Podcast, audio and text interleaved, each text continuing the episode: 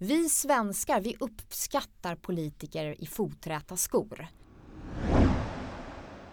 Du lyssnar på Samhällsvetarpodden med mig Ursula Berge. Idag pratar vi om partiledarnas betydelse i valet. Bara för att vädret är galet så måste inte politiken vara det. Om vi får bestämma så kommer alla utvisas. Det här är ett styrkebesked för den svenska modellen. Blir det krig i Sverige så tror jag vi alla skulle vilja se en samlingsregering. You look at what's happening last night in Sweden. Who would believe this? Sweden! Hej och välkommen till Samhällsvetarpodden. Jag som leder det här heter Ursula Berge och jag är samhällspolitisk chef på Akademikerförbundet SSR. Idag tänkte jag att vi skulle prata om hur det politiska ledarskapets betydelse har förändrats och vilken betydelse partiledarna hade i just detta valet.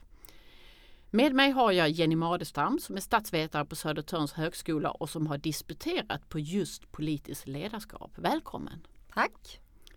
Den här podden spelas in onsdagen den 17 oktober. Jag tänker att det kan vara viktigt i dessa tider när massor händer hela tiden i regeringsbildningsfrågan. Men Jenny, du har skrivit en avhandling som heter En kompis pappa och en ytlig djuping, partieliters ambivalenta partiledarideal. Och där har du undersökt Socialdemokraternas och dåvarande Folkpartiets partiledarideal. Det var nio år sedan nu, men jag tänkte att samma raster du använde då kan vara intressant för att tolka dagens partiledare, årets valrörelse och kanske också regeringsbildningen. Om du mm. beskriver lite kort utifrån din avhandling, din bild av det politiska ledarskapet idag. Mm. Vad man kan säga då om just det här med det som jag studerade om partiledarideal så är ju det just ett ideal, det vill säga det är någon, slags fantasi om vad man vill ha av en politisk ledare. Det var det som var min ingång i, i den här undersökningen. Och det som eh, är viktigt då att, att ha liksom i åminne hela tiden det är att partierna och dess ledare de befinner sig på flera olika arenor på en och samma gång. Det är väljararenan där man möter väljarna. Det är den interna arenan, arenan där man möter medlemmar och liksom organisationen. Det är den parlamentariska där politiken görs i riksdagen. Och sen skulle man nog kunna tala om att det också finns en medial arena där journalisterna finns. Kanske också en internationell. Eh, och på de här olika arenorna så finns det olika grupper som ställer olika krav och förväntningar på en partiledare. Och konsekvensen av att det ser ut så här för en, en partiledare eller en politisk ledare och ett parti också det är att det här idealet när man fantiserar om det blir väldigt komplext. Man vill ha liksom allt och, och, och lite till i det här idealet för att det är så många olika förväntningar och krav som ställs. Mm. Mm. Om vi tittar, det, det låter som mm, fyra, fem olika arenor, då skulle man mm. kunna ha fem olika identiteter om man ska mm. försöka para ihop. Mm. Men när du, du beskrev till exempel att Socialdemokraternas partiledare skulle vara kompispappa, mm. det vill säga personen skulle både kunna peka med hela handen men också vara en i laget. Mm. Stämmer det idealet fortfarande med socialdemokratin? Skulle du säga? Ja, jo men det skulle jag vilja säga. För det som, delvis. Därför det är så här att de här ledaridealen också, de är ju, man kan ju också tala om någon slags partiledarkulturer. Och när man hör ordet kultur då vet man att det här är någonting som är ganska svårföränderligt och någonting som har en lång historia och som då tar tid att förändra. Och det skulle jag vilja säga gäller också i förhållande till liksom uppfattningen om ledarskapet. Så den här kompispappan eller kompismamman om man så vill. För det handlar om att å ena sidan vara den här kompisen som är som vem som helst och å andra sidan någon slags föräldrafigur det gäller. Men sen kan det vara så för de här idealen, det vill säga fantasierna om det bästa ledarskapet. Betoningen på vad det är man efterfrågar kan variera beroende på naturligtvis vilket läge partiet är i också. Det är någonting som man måste komma ihåg. Och om man tittar på just Socialdemokraterna så ja, det är en kompis pappa som man efterfrågar. Om man då sätter sig ner och funderar över vad är det vi önskar oss.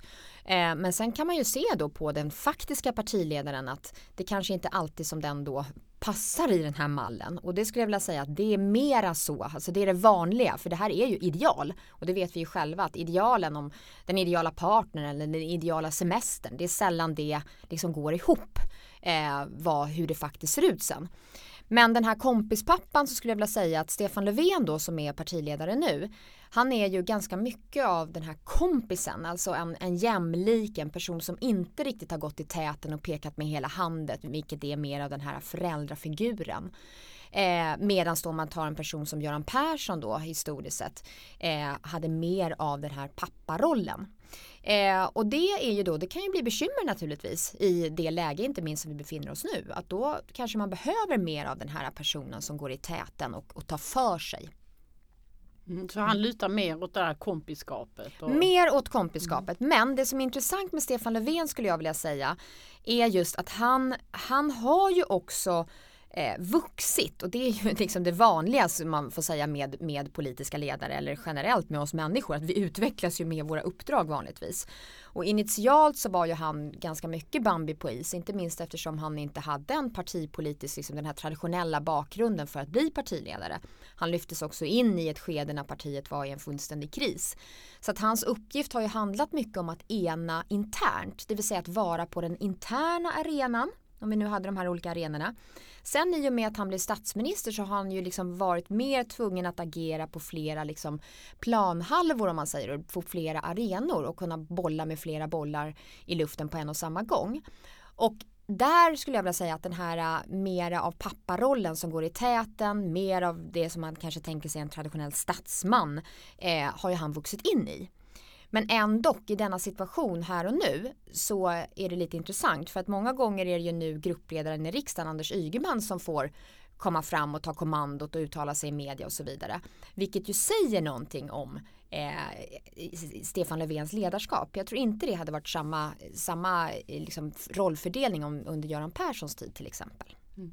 Det här att han både är partiledare och statsminister, gör det mm. det komplexare? Det här med att vara... Definitivt, därför att det som händer när man är både statsminister och partiledare det är ju också att de här potentiella konflikterna som ligger mellan då eh, de här olika rollerna som man kan ha på olika arenor. Den, den, det blir ju liksom aktualiseras ju eller kan ju bli rejäla smällar.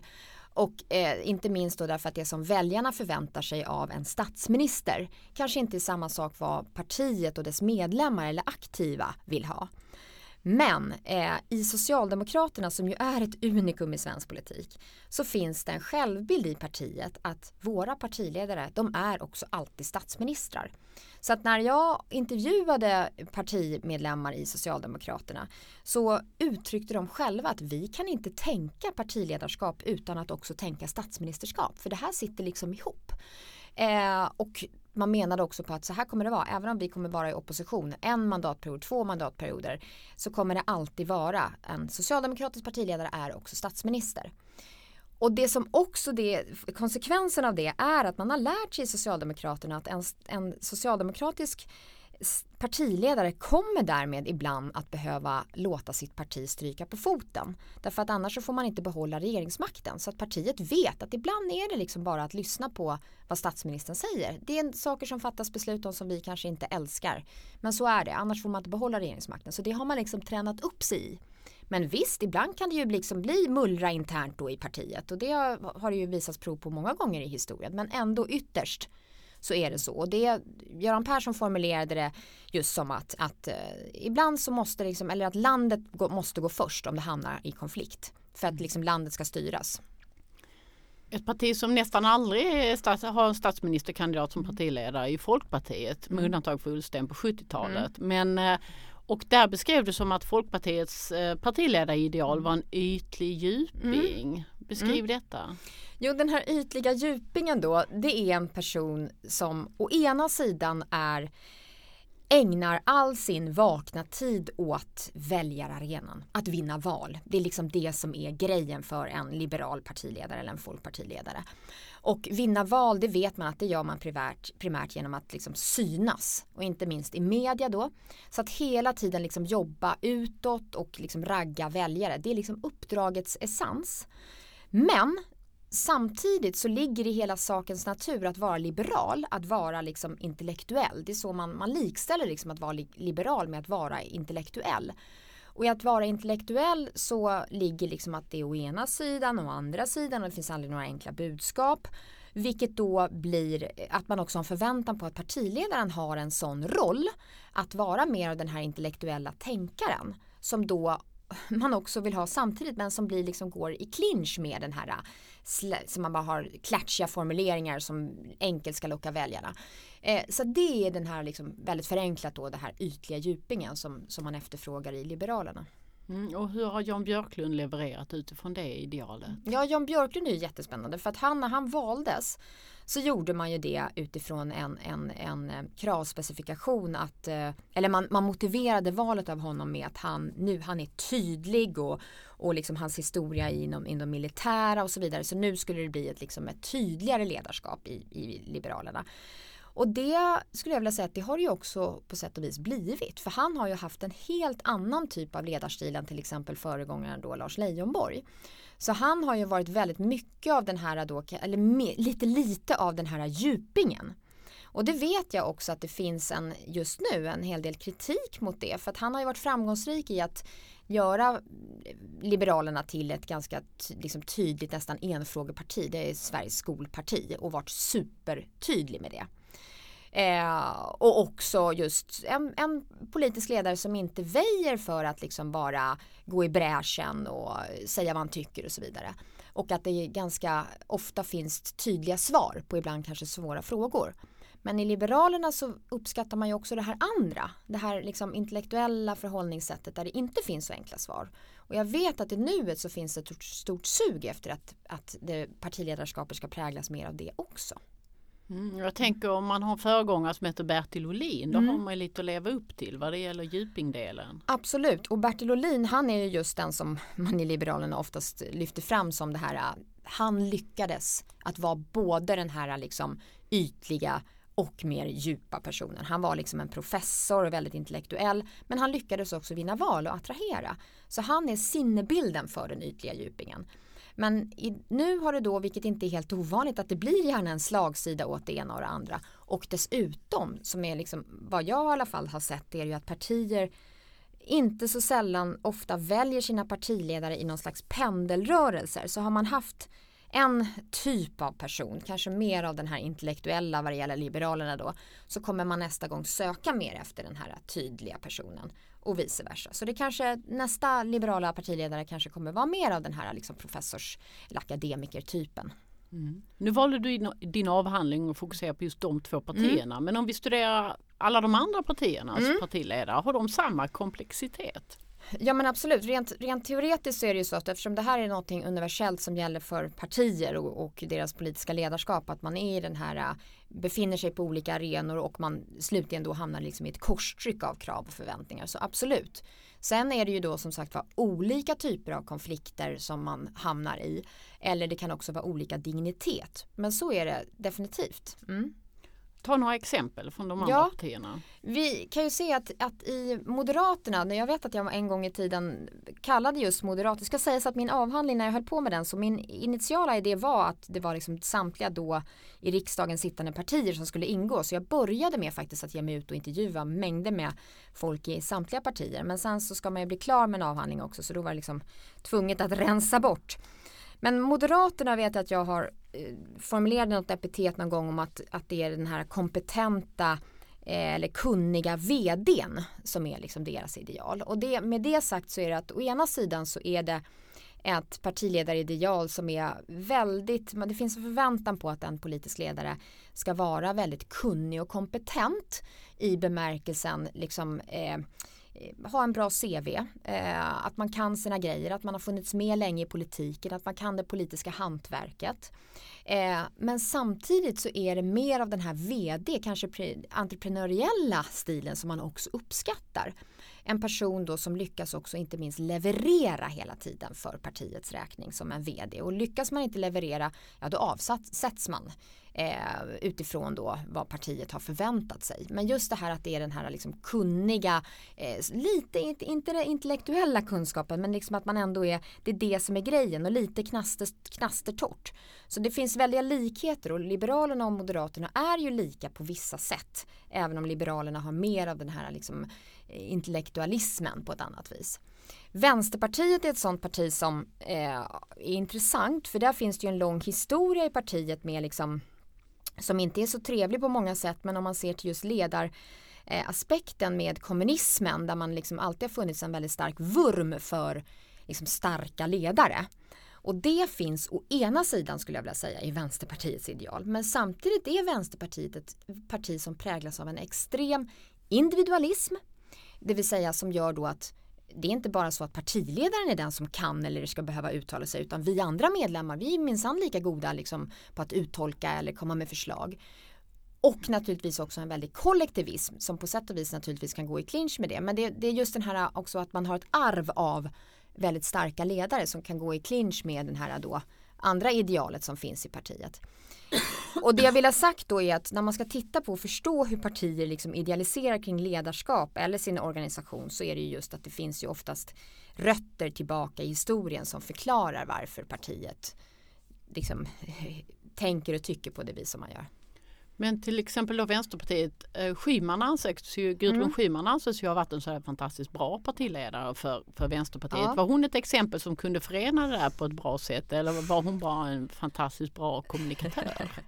Jag tror att det, det Gudrun Schyman lyckades med, ja, hon, det, rättare sagt så här, det Gudrun Schyman, hon var en fantastisk kommunikatör och hon var rätt i tiden där och då utifrån vad Vänsterpartiet ville ha. Men hon var också den här personen som eh, å ena sidan var hon en ganska stark person, vilket man inte väjer för. Och det vill säga starka personer, de här starka ledarna, det är ingenting konstigt i Vänsterpartiet på ett sätt.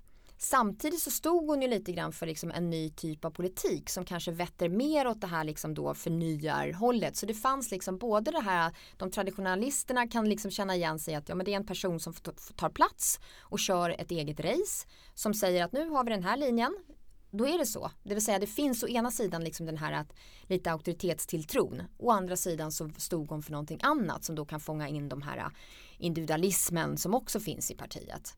Men det ska sägas att jag har, eftersom jag inte har liksom djupdykt i de andra partierna och inte minst eftersom det är ett rörligt objekt också så skulle jag vilja säga att det händer mycket så kan jag inte riktigt uttala mig lika liksom djuplodande om de andra mm. partierna. Mm. Men jag vill bara påpeka en sak också just med Vänsterpartiet när vi pratar om dem nu. Att det som är intressant med Vänsterpartiet idag det är att partiet faktiskt har ett delat ledarskap i partiledarskapet. Därför att Jonas Sjöstedt menar själv på att han delar sitt partiledarskap med Ulla Andersson.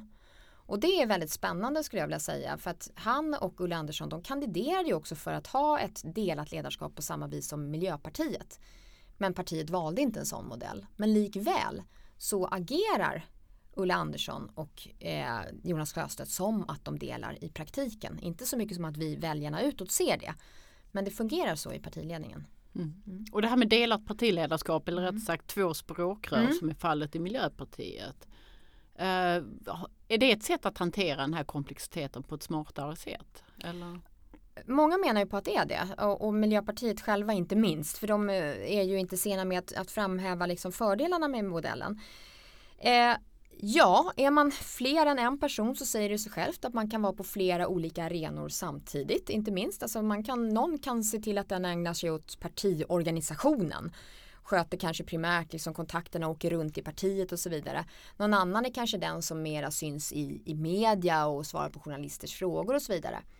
Men eh, det är en sanning med modifikation för att när det här eh, delade ledarskapet har fungerat väl som är då med eh, Maria Wetterstrand och Peter Eriksson. Det är den det språkrörspar som lyfts upp i Miljöpartiet som det som har där det någonsin har fungerat. Eh, där gjorde de i princip samma saker även om de liksom precis växeldrog om man säger. Men, men det var inte så att, att eh, Peter Eriksson ju skötte liksom partiorganisationen och Maria Wetterstrand skötte liksom väljarna. Men eh, de delade på det. Eh, men sen däremot så hade de ju naturligtvis vissa frågor som de var mer identifierade med. Och det var ju en fördel för då kunde man också attrahera olika typer av väljare. Och nu har vi diskuterat väldigt mycket politisk ledarskap. Mot det står ju ideologin och, och liksom vad som är viktigast, den politiska ledaren eller de värderingar som partiet går till val på. Vad skulle du säga att man har en bild av att i den här individualiseringstrenden vi befinner oss i, att ledaren blir viktigare och viktigare. Mm. Men hur skulle du säga att den här vågskålen balanserar just nu och vad har hänt de senaste åren?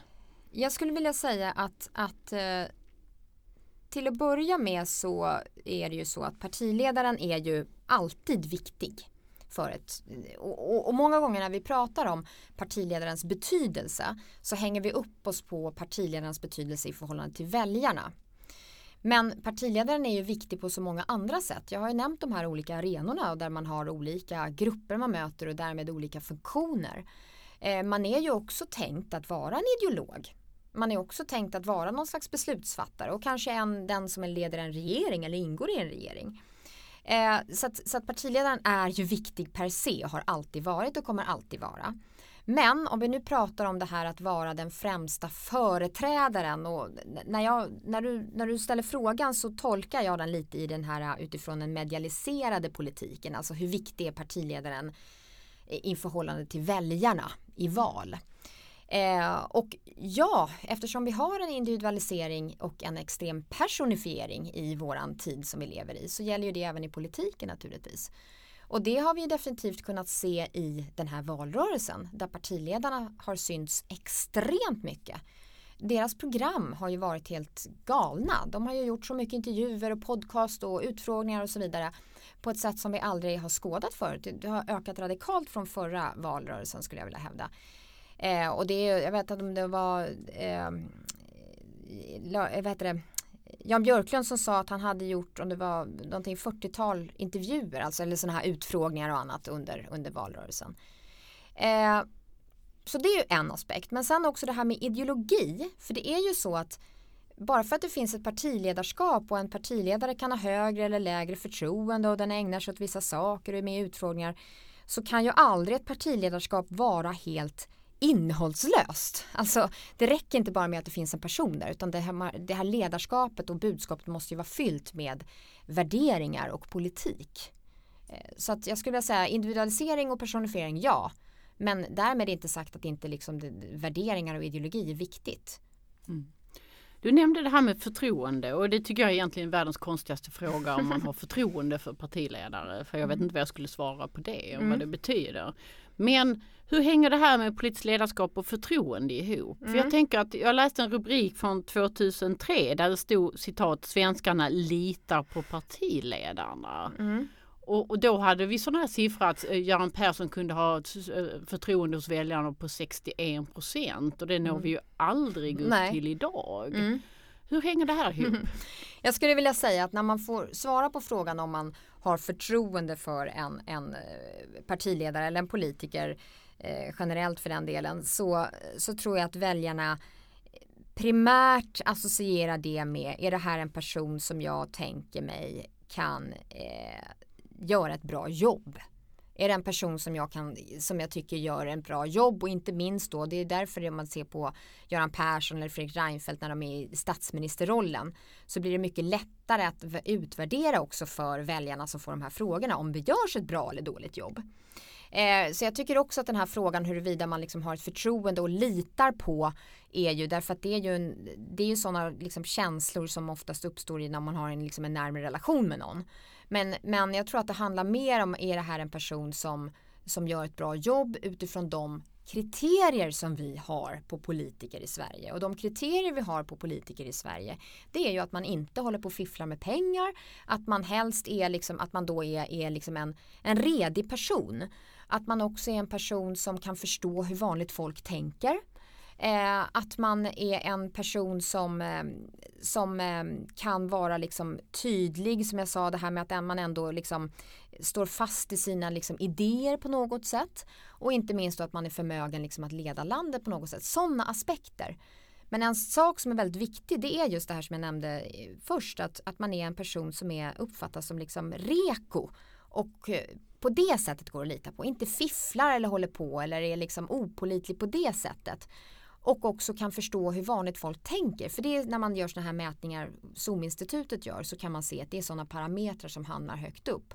Och jag brukar beskriva det som att vi svenskar vi uppskattar politiker i foträta skor. Alltså sådana här, vi, den här typen av politiker som sticker ut och är liksom kanske lite för mer, alltså en Macron-typ eller den typen. Det blir vi misstänksamma mot. Vi vill ha det här liksom lite kanske då gråa men också väldigt förnuftiga och lite liksom, det ska vara sakbaserat och förnuftigt och rationellt. Men vad har hänt med foträtheten då sedan mm. Fredrik Reinfeldt hade 50-60 procent mm. i förtroendestöd och Göran Persson 60 och nu mm. är det, ja då mm. ligger de på 20-25 och mm. sällan över 35. Mm. Vad har hänt med den här foträtheten? Jag skulle vilja säga att foträtheten eller vårt ideal om foträthet eh, när det ställs på sin spets eh, ska sägas. Alltså när vi verkligen då, vad är det för typ av politiker vi uppskattar? Den finns kvar, men det som har hänt också det är ju en generell och det har vi ju sett under många år, men det går ganska fort skulle jag vilja säga. En allmän liksom minskad auktoritetstilltro så att det finns en liksom skepsis till just det här som du ställer, liksom din, ditt ifrågasättande av förtroende. Alltså hur kan man känna förtroende för någon? Det tror jag delvis ligger i det här. Men sen också är det ju så att vi har ju ett väldigt splittrat politiskt liksom, landskap nu. Det finns inte något parti eh, som är liksom på plats nummer ett före alla andra eh, och där dess partiledare sticker ut eller blir den här självklara statsministern. Det gör det inte utan det är mycket mer fragmentiserat. Det såg vi i valet. De partier som inte brukar gå fram gick fram. Så det är liksom mera, det är mer heterogent om man kan säga generellt. Och det kan ju vara en parentes. Det kan ju vara så att om vi nästa år eller, eller nästa val och valet därpå så har vi någon återigen en, en Reinfeldt eller en, liksom en Macron typ i svenska mått mätt då. Alltså den här uh, foträtta Macron om man säger. Mm. Mm. Varför är det alltid så att miljöpartisterna har språkrören har så fruktansvärt lågt förtroende? eh, har något med språkrörskonstruktionen ja, att göra? Dels eller? är det ju så naturligtvis att det är svårare för två personer att, att eh, eh, skapa sig en relation med väljarna än en person som företrädare. Och det är någonting som eh, det är knappt någon som minns det längre men 2002 så var det ju på tapeten att partiet skulle övergå till att ha en partiledare och det var ju Lotta Nilsson Hedström som hade varit språkrör som argumenterade för det för hon menade på att den här modellen fungerar inte. För det är omöjligt för två personer att göra sig så kända och då också eh, trovärdiga hos väljarna. Men sen kom ju Peter Eriksson och Maria Wetterstrand och det bara sköt i höjden deras förtroende och opinionssiffrorna och valresultatet. Eh, jag tror att, att, precis som med vilket annat politiskt ledarskap så handlar det om att det måste finnas en genuinitet det vill säga hos de här företrädarna. Det måste finnas att man bottnar liksom idémässigt och värderingsmässigt. Man måste vara tydlig. Och för Miljöpartiets språkrör så har det ju varit omöjligt att vara tydliga nu för att man har ingått i ett regeringssamarbete. Och det har blivit en enorm mischmasch och väljarna uppfattar att partiet har kompromissat bort sin själ och så vidare. Så jag tror att det är mer det. För går vi tillbaka till liksom Maria Wetterstrand så hade hon väldigt högt förtroende hos väljarna. Mm. Det, kan det hänga ihop också med att de inte alltid inordnar sig i den här klassiska höger vänsterskalan som väljarna fortfarande ändå är ganska eh, vana vid? Mm. Att man inte riktigt vet var man har dem. Jo men det skulle jag nog vilja hävda att det är, ju, det är ju en aspekt i det här att det finns en otydlighet kring partiet. Eh, I kombination med naturligtvis att i, det får man inte glömma bort heller att i Miljöpartiet så finns det ju en parti, en kultur av att språkrören man ogillar ju egentligen ledarskap, alltså att någon går före någon annan. Det är därför man har en språkrörsmodell från början och initialt när partiet bildades så hade man ett att partiet eh, styrdes av ett antal olika utskott. Det fanns inte en enda liksom, talesperson ens. Eh, och, så att det ligger i hela partiets idé om demokrati. Och därmed så, så, så, finns det ju inget incitament riktigt att heller hårdsatsa på de här. Alltså förstå att profilera dem, köra fram dem på det här viset som är mer självklart i vissa andra partier. Mm. Um, den här, den här kopplingen, om man tittar på den här listan över förtroende så är det ju mm. eh, partiledare som Ulf Kristersson, Stefan Löfven, Annie Lööf mm. som toppar förtroendelistan mm. nu här. Hur hänger det ihop med politiskt ledarskap? Är de tydligare på något sätt i sitt politiska ledarskap som gör att de mm. eh, är där uppe eller är det någonting annat? Jag tycker också att det man kan ta med i den uppräkningen där det är ju att eh, den här på vallokalsundersökningen så fick ju väljarna frågan hur viktig var partiledaren i ditt val av parti? Och då kom ju Jimmy Åkesson på topposition. 45 procent av hans väljare sa att han var viktig för valet av parti. Därefter följde Ebba Busch Thor och sen Annie Lööf och sen kom Ulf Kristersson. Jag skulle vilja säga att det som märker ut primärt Jimmy Åkesson och Annie Lööf och har gjort de senaste fyra åren är att de är, eh, har en tydlighet och bottnar i sitt politiska budskap på ett sätt som inte de andra partiledarna har gjort. Och de är också varandras motpoler. För Anna, Annie Lööf och Centern bestämde sig för att vi ska vara motpolen till Jimmy Åkesson. Och det har hon hållit fast vid. Och det tror jag är det som premierar sig i det här då. Varför det liksom, hon har legat väldigt högt. För hon har uppfattats som bara principfast, tydlig, hon står för någonting. Och precis samma sätt som Jimmy Åkesson. Eh, Ulf Kristersson, där skulle jag vilja hävda att hans liksom uppgång det var nog mera den här liksom eh, eh, ah, det kommer någonting nytt och det är någonting annat än, än Anna Kinberg Batra som, som väljarna inte alls uppskattade. Eh, men däremot tycker jag det är intressant det här med Ebba Busch Thor och hennes enorma liksom upphämtning och partiets framgångar i valet och där hon också har, hennes förtroende har ju ökat eh, väldigt kraftfullt. Eh, och där tror jag det handlar väldigt mycket om dels att hon har synts och hört så mycket som hon har gjort. Men hon har också uppfattat stå för någonting i den här valrörelsen och det hon har stått för det är primärt ett ganska enkelt svar i sjukvårdsfrågan som var väldigt viktig för väljarna. Hon och hennes parti hade ett svar på att lägger vi ner landstingen så löser sig problemen i sjukvården. Och det var ett sätt, det, det, tror jag är det som man ser i de här siffrorna för även henne. Att man, hade liksom, man lyckades profitera om man kan säga så på en fråga som var viktig. I kombination med att hon har synts och hört så extremt så mycket. Mm. Och allians, övriga alliansledare har låtit Ebba Busch Thor synas och höras mycket. För man visste att kommer inte hennes parti in så är det kört för oss. Och små partier tenderar att synas ganska mycket i valrörelser. I alla partiledardebatter syns de lika mycket. Ja, precis. Och det är ju, men det som varit intressant när man tittade på, på partiledardebatterna i den här valrörelsen var att i alliansen just så var det många gånger som övriga partiledare i alliansen nästan sa lämnade golvet fritt för Ebba Busch Thor och sa dansa Ebba, dansa. Och så liksom hon tog enormt mycket plats vilket hon gjorde i liksom partiledarutfrågning eller debatt efter debatt. Och jag tror att Jan Björklund inte minst kanske är lite sådär fundersam på om det var en smart strategi. För att hon syntes och hörde som sagt var kanske lite på bekostnad till exempel av, av honom själv då som inte fick lika mycket utrymme. Ja och Kristdemokraterna blev ett större parti ja. än, än Liberalerna mm. vilket mm. nog inte motsvarar ja. deras självbild. Och det visar ju just på det här också att att vikten av att liksom för att man ska komma fram som vare sig parti eller politisk ledare så måste man ju synas och höras också. Det är en självklarhet. Mm. Berätta vad som händer med politiska ledarskapet när vi har sådana här förhandlingar och talmansrunder och partiledarna återigen är i fokus efter mm. några veckor av lugn efter valet. Mm. Vad, eh, vad händer med det politiska ledarskapet där? Vad blommar ut? Vad, vad syns? Ja, vad som syns nu skulle jag vilja säga det är dels en eh, erfarenheten. Hur erfaren är man av, de här, av det politiska hantverket? Hur slipad är man? Det är en aspekt som syns. Eh, men sen syns det ju självklart också, eh, kan man hantverket i att vara en god förhandlare? För att vara en god förhandlare, det ligger ju också i rollen som, som partiledare. Eh, och jag skulle vilja hävda att, att eh, om vi ser i Socialdemokraterna då så är det lite intressant hur medialt sett så är det inte Stefan Löfven som har svarat på frågor eller syns och hörts utan det är gruppledare Anders Ygeman. Det är inget märkligt att det är en gruppledare i riksdagen som syns och hörs. Men det hade varit också naturligt att det var partiledaren som syntes och hördes och svarade på journalisternas frågor.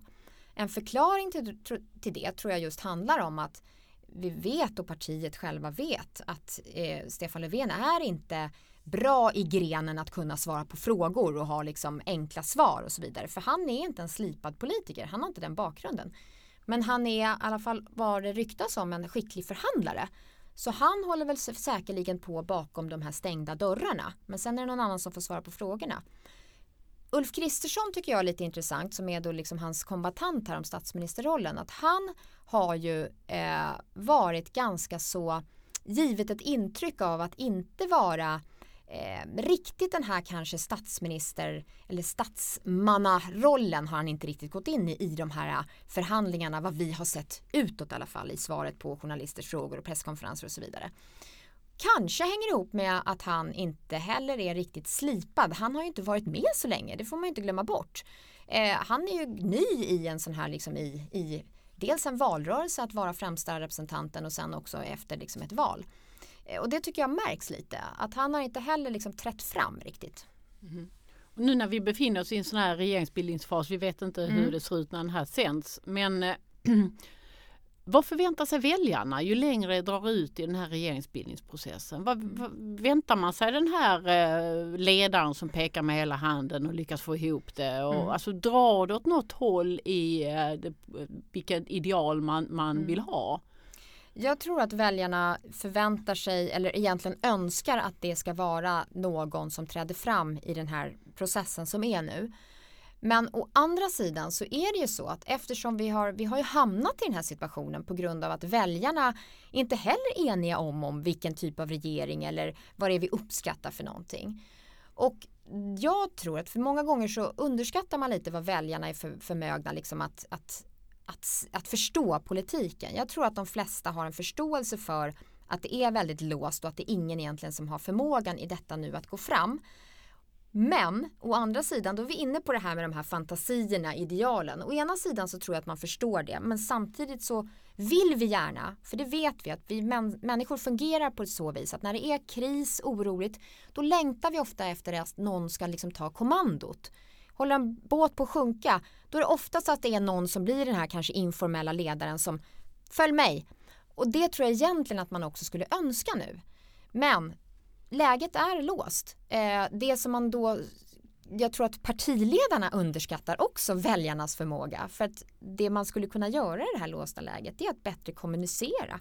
Att tala om att så här är det nu. Vi kommer behöva göra de här eftergifterna och vi kommer svika på ett sätt. Men det är enda lösningen. Att kunna vara öppen och ärlig. Men det är man ju som politiker idag livrädd för. Och där, det har ju med också liksom den här medialiseringen av politiken att göra. Jag tänker om man jämför hur vi förhandlar i fackföreningsvärlden så, så förhandlar vi utifrån att vi ska kunna leva med varandra i efterhand också. För vi, det kommer ny förhandling i ett senare skede. Så att köra skiten ur en motståndare och lyckas med någonting det, det funkar inte i, i nästa förhandlingsrunda. Så tänker jag att väldigt många partier har ju gjort en valrörelse som byggde på polarisering och att man har olika uppfattningar och att tydliga skillnader. Och så nu har vi en regeringsförhandling som bygger på att hitta likheter. Hur får man ihop det som politisk ledare? Precis, och det får man ju inte riktigt ihop. Och det är därför det är så, läget ser ut som det gör. Jag tycker det är jätteintressant för jag vet att jag var på ett, ett seminarium ihop med Bengt Westerberg och han beskrev hur han och Ingvar Carlsson i valrörelsen 1994 hade sagt till varandra att vi ska inte vara fula mot varandra nu eller köra med liksom eh, taskiga eh, tekniker eller liksom kasta skit på varandra för att vi ska kunna prata med varandra efteråt för vi vet inte hur utfallet blir. Det hade man ju verkligen kunnat göra men vi hade ju redan ett så extremt låst läge som vi har haft i så många år nu i svensk politik så det har inte funnits någon öppning för det. Men det är ju ett exempel skulle jag vilja säga på någonting gott precis som du beskriver också inom fackföreningsrörelsen för att kunna hitta en lösning Eh, och då går det inte att ha låst in sig i ett hörn. Det funkar inte. Men det, och det är det vi ser resultatet av. Om du tänker på den här eh, avrundningsvis nu här, den här valrörelsen i backspegeln och så där. Vad tycker du att den präglades av? Jag slogs av lite olika saker. Att, eh, Ulf Kristersson skulle vara den vuxne i rummet. Var han det? Stefan Löfven blev aldrig riktigt den där statsmannen som S ville. Men blev han en kompispappa? Jan Björklund, man pratar jättemycket om hans utseende bara. Han var hunken och det var fris- eller hans eh, skjorta har sålts på, på eh, någon, eh, någonstans på nätet. Ebba Busch Thor-effekten, Jimmy Åkesson. Alltså, v- vad är din samlade reflektion runt alla de här prestationerna? Eh, jag skulle vilja säga att en, det, det är några iakttagelser om man nu ser på partiledarna generellt. Det är ju dels det som vi var inne på att de har synts så extremt mycket. Så att partiledarna har varit i sånt fokus som nästan aldrig förr. Det är de som personer. Men Samtidigt så tycker jag att det är intressant att den här valrörelsen har inte likt tidigare valrörelser varit av den här president valskaraktären. Eh, För att många valrörelser har de senaste gångerna präglats av att ska vi ha eh, Stefan Löfven eller Fredrik Reinfeldt? Är det Mona Sahlin eller Fredrik Reinfeldt? Göran Persson eller Fredrik Reinfeldt och så vidare. Det vill säga det är två statsministerkandidater som står mot varandra. Så har det inte varit. Och det hänger naturligtvis ihop med att det har varit så svårt att se på regeringsalternativet. Kommer det bli Stefan Löfven eller Ulf Kristersson eller någon annan? Vi vet inte. Så det är en aspekt och det har ju gjort att, att även de andra har kommit fram på ett annat sätt än vad det har varit fallet tidigare. Men sen så tycker jag att de här sakerna som du räknar upp, jag instämmer till fullo i, i, i de sakerna eller de iakttagelserna att, att eh, men som också då eh, som det här till exempel med, med eh, Jan Björklund och hans liksom frisyr och sådana saker, hur det också, sådana små grejer, det kan få liksom konsekvenser i bemärkelsen av att det blir snackisar eh, och att man också ser hur partiledarna faktiskt sådana saker liksom kan man jobba på och spinna på. Sen blev det ju en grej när folk hade börjat snacka om hans skjorta och så blev det liksom en sak och nu har det blivit ännu större. Men man vinner ju uppenbarligen inga val på det. Och där ser vi ju, då går vi tillbaka till liksom det här som också statsvetare i alla tider hävdar att partiledarna har till syvende och sist inte jättestor inverkan på vårt val av parti. Men för den delen så är de, för den skull så är de ändå viktiga som de här, i de här rollerna på många andra sätt. Så att vara beslutsfattare, att vara förhandlare, att vara med, or, eh, ledare för en medlemsorganisation och så vidare. Men för väljarna så är de inte det primärt. De måste vara ett fungerande skyltfönster för åsikter. Ett, precis, och man mm. kan aldrig bli bättre än sitt parti och partiets åsikter. Det måste fyllas med någonting. Och det är ju det som, då, som jag tog exemplet med Ebba Busch Thor. Hennes ledarskap som tidigare under mandatperioden har ju, varit, har ju varit ganska uträknat. Både hennes parti och hon har haft låga förtroendesiffror. Hon lyckades fylla sitt partiledarskap med sjukvårdsfrågan på ett framgångsrikt sätt. Mm. Ja, jag tänkte vi skulle avrunda här. Har du några slutord nu här när vi är mitt i regeringsbildningsprocessen? Är det något vi ska hålla ögonen på vad det gäller de här nu som är inne och talar med talmannen och med alla möjliga hela tiden? Nej, jag är ju mera, det, det, som jag också är väldigt intresserad av det är ju det här med, med ledarrekrytering och eh, partiledarskiften. Så jag ser ju kanske mera personligen fram emot vad som kommer hända efter att en regering är på plats. Är det vem eller vilka kommer att bytas ut och så vidare. Och det i sig är ju också processer som är komplicerade och kan vara väldigt smärtsamma i partier. Så det, det är väl sånt som jag själv sitter och väntar lite på för att se om det någonting kommer efter regeringen är på plats. Och här och nu spekulerar du inte i vilka det kan tänkas vara eller? Nej jag vågar inte göra det. Då tackar vi för det. Tusen tack Jenny. Mm, tack. Det var allt från Samhällsvetarpodden den här veckan. Samhällsvetarpodden görs varannan vecka och fångar upp stora samhällspolitiska frågor, helst med facklig twist. Prenumerera gärna på oss på de ställen där du brukar hitta dina podcasts. Samhällsvetarpodden görs av Akademikerförbundet SSR, Sveriges ledande samhällsvetarförbund.